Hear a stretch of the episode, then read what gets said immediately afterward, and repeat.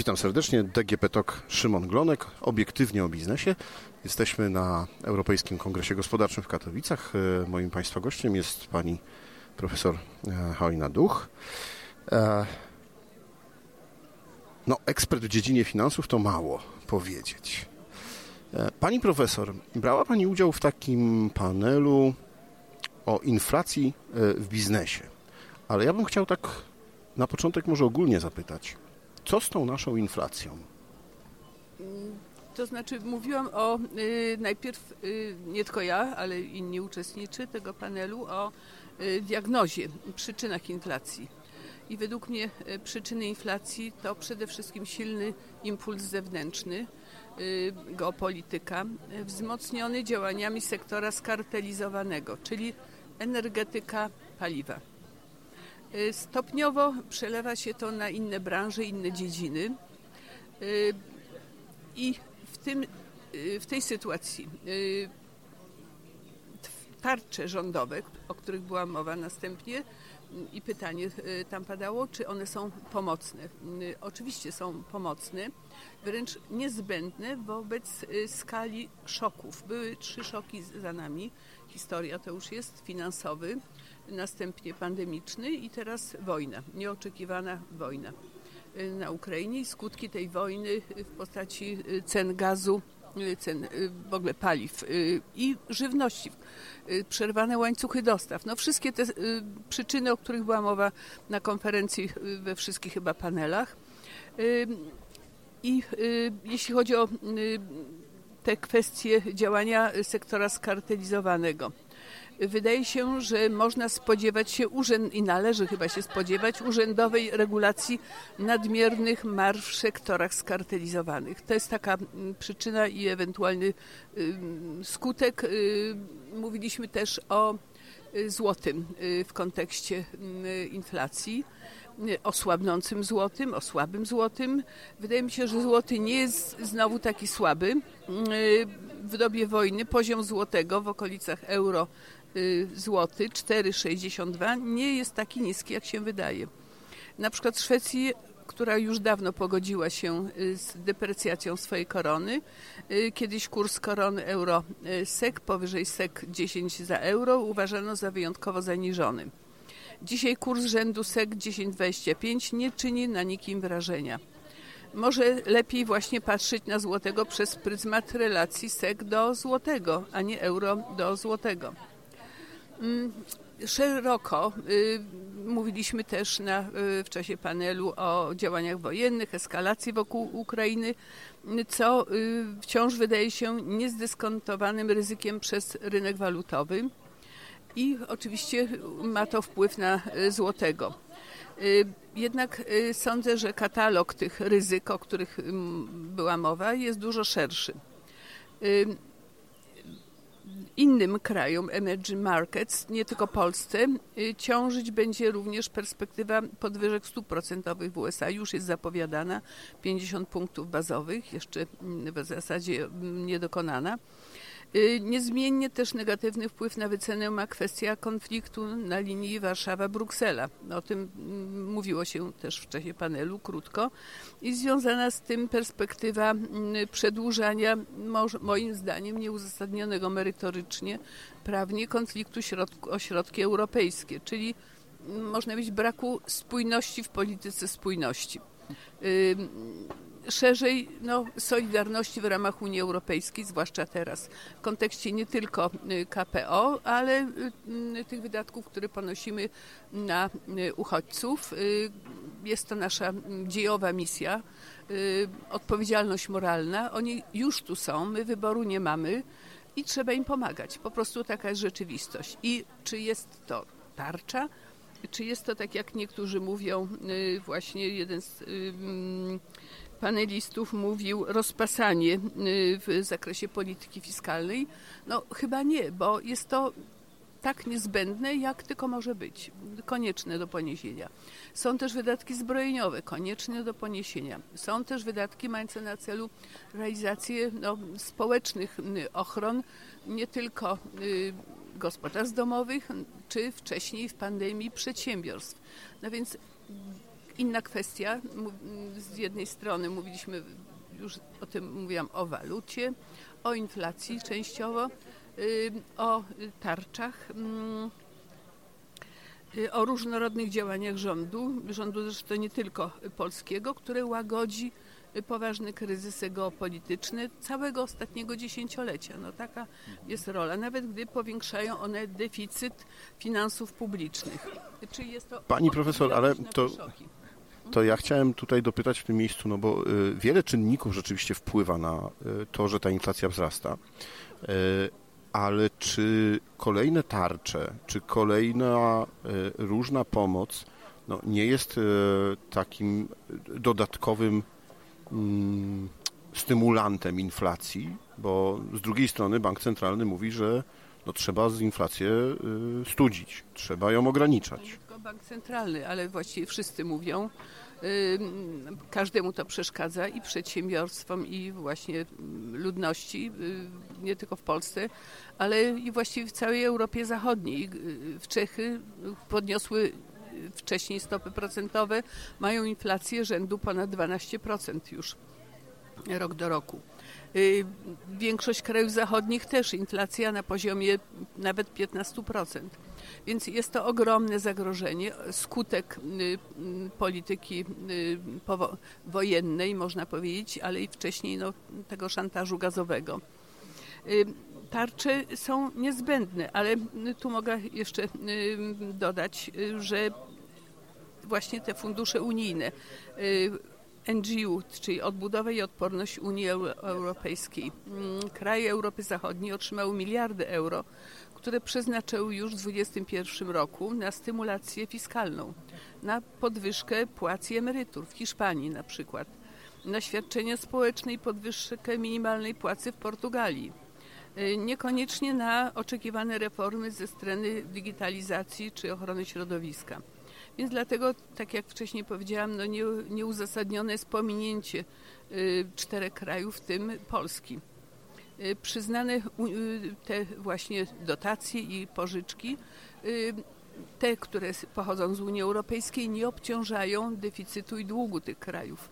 One są poza bilansem, więc to jest też dobrze, że wskaźnik się nie podnosi w kontekście oczywiście naszego poziomu, to też następna kwestia, która była dyskutowana, właśnie tarcza inflacyjna, czy ona wpływa na inflację, a jak wpływa na budżet mm, państwa, jak wpływa na finanse sektora finansów publicznych. Na inflację można mieć tarcze obniżają, łagodzą skutki inflacji. Jak docierają właściwie, y, o to chodzi, żeby docierały do potrzebujących rzeczywiście, to one tą inflację y, neutralizują. Natomiast jeśli chodzi o budżet państwa, no, siłą rzeczy powiększają y, deficyt. Y, ale nasz deficyt i dług publiczny mm, jest całkiem niski w kontekście krajów Unii Europejskiej.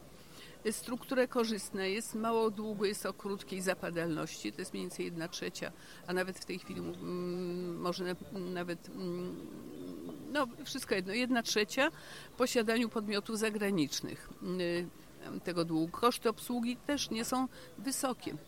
Mówiono o tym, że są bardzo wysokie. One są stosunkowo niskie na razie, pomimo skoku dużego rentowności obligacji.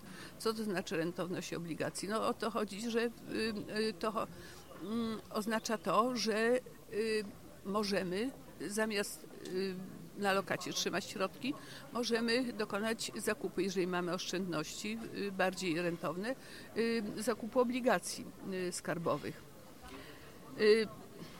Teraz co można jeszcze powiedzieć, że stabilność finansowa w związku z tym państwa nie jest zagrożona tutaj. Mamy wzrost gospodarczy też na tle innych krajów stosunkowo wysoki. Mamy mocny rynek pracy. Nie mamy bezrobocia, tak jak w wielu krajach unijnych chociaż pułapka średniego rozwoju może być niestety realna, zwłaszcza gdyby no, mm, przy recesji w innych krajach unijnych, y, gdzie Niemcy mają już minus 3 i nie wiadomo jak to dalej y, będzie wyglądało.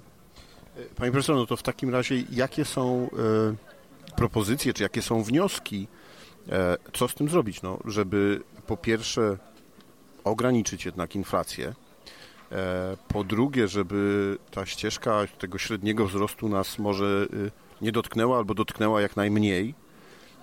No a po trzecie, żeby też mm, wykorzystać tą sytuację. Ja wiem, że to może nie brzmi najlepiej, ale no, wykorzystać tą sytuację, w której się znaleźliśmy, czyli tych półtora miliona osób, które są w Polsce i też włączyć je do naszego rynku pracy, skorzystać z ich talentów, tak żeby przyczyniły się no, do rozwoju Polski. No oczywiście jest to nie, y, właściwie jedyny wniosek. Y, wojna powoduje zwiększone wydatki fiskalne, to wiadomo, y, ale uchodźcy w Polsce są. Tak jak powiedziałam wcześniej, nie mamy wyboru i trzeba, je, trzeba te osoby zaangażować, zaangażować w pracę.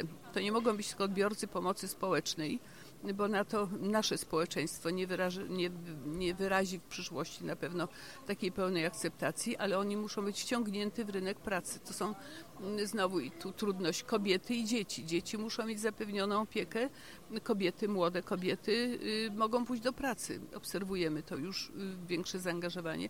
Oczywiście pod warunkiem, że nie będą chciały wrócić albo jechać do siebie, albo dalej, y, jechać dalej, no, do Europy Zachodniej. Są to różne problemy, które każdy widzi na co dzień. Jeżeli mamy y, gościa ukraińskiego, to obserwujemy to na bieżąco. Jeżeli nie, nie mamy go u siebie w domu albo obok, no to obserwujemy to właśnie z, z danych, y, które mówią y, rozmaite. No, znaczy, tworzą rozmaite rozmaite rozwiązania. Rozwiązania prawne również muszą być. Na razie nie ma rozwiązań prawnych. Poniekąd y, takie brak tych rozwiązań bardzo szczegółowych. Jest ustawa o pomocy dla Ukraińców. Y, nie każdy y, po dwóch miesiącach ona przewiduje tylko pomoc dla nich. Co dalej? Musimy o tym też pomyśleć rząd. No i my, mając w domu właśnie gości ukraińskich nie możemy ich gościć całe życie. Trzeba coś zrobić. Pani profesor, mm, mm, zasiadała Pani w e, Radzie Polityki Pieniężnej. Gdyby dzisiaj wiem, prezes Glapiński albo któryś z członków Rady Polityki Pieniężnej zadzwonił do Pani i powiedział e, Pani profesor, e, no niech Pani poradzi, co robić? Podnosić, e, nie podnosić, o ile podnosić? To patrząc na sytuację tą, o której Pani powiedziała. I co by Pani rekomendowała? Jakie by Pani widziała dalsze kroki? Ostrożność przede wszystkim. Zaciśnienie monetarne jest już bardzo silne. W niespełna pół roku stopy wzrosły z 0,1 do 4,5%. To bardzo dużo, a wiele wskazuje na to, że to nie koniec zaciśnienia polityki monetarnej, bo już wypowiadają się członkowie o kolejnych podwyżkach. Y, dlatego też z drugiej strony musi to działać wspólnie z polityką fiskalną. Y, decyzje Rady y, zachęcanie na przykład rządu do nadmiernego z kolei zaciśnienia polityki fiskalnej mogłoby być niebezpieczne, więc musi być to przede wszystkim skoordynowane w ramach właśnie polityki mix, w ramach Komitetu Stabilności y, Finansowej. To jest, y, są co najmniej dwa ciała, prawda, z ulicy Świętokrzyskiej, które biorą w tym udział. Y, oczywiście też nadmierne zaciśnianie, czyli taka jaszczębia polityka, nie prowadzi do wzrostu gospodarczego. A więc wzrost gospodarczy, który się pobudza obecnie. Mamy y, wysoki za pierwszy kwartał wskaźniki 8-10%, takie są mm, prognozy na, na ten okres. Y, I y, trzeba pomyśleć właśnie, żeby ten wzrost utrzymać dalej. Nie może to być stagflacja, nie może to być recesja. Musimy trzymać się tych wskaźników i, i y, stabilności, która w tej chwili jest niezagrożona, y, ale żeby nie spowodować właśnie jakichś niebezpieczeństw w zakresie polityki. Oczywiście na inflację można mm, patrzeć nie tylko przez pryzmat nominalnych stóp procentowych, y, Warto też wspomnieć o realnych stopach procentowych i o tym była mowa w czasie panelu. W strefie euro są one na przykład bardziej ujemne niż w Polsce. W strefie euro wynoszą już minus 8%.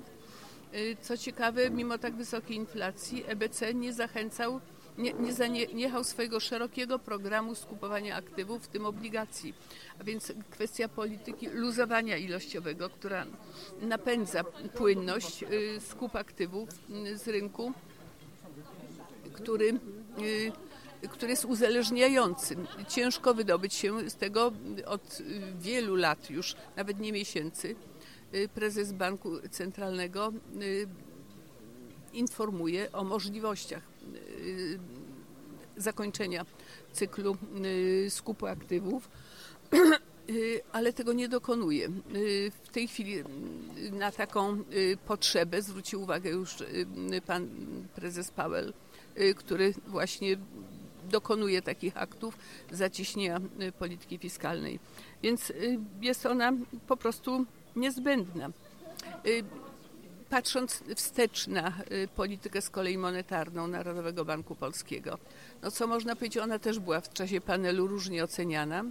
Niektórzy twierdzili, że za późno, no za wcześnie może nie, no ale wydaje mi się, że ona mm, była realizowana właściwie, we właściwym momencie, w świetle ówczesnych danych, czyli reagując na napływające informacje i prognozy, Rada to uczyniła na podstawie projekcji inflacji. Projekcja inflacji jest opracowana w Departamencie, Polity, Departamencie mm, Polityki, mm, Departamencie Analiz i Polityki Ekonomicznej.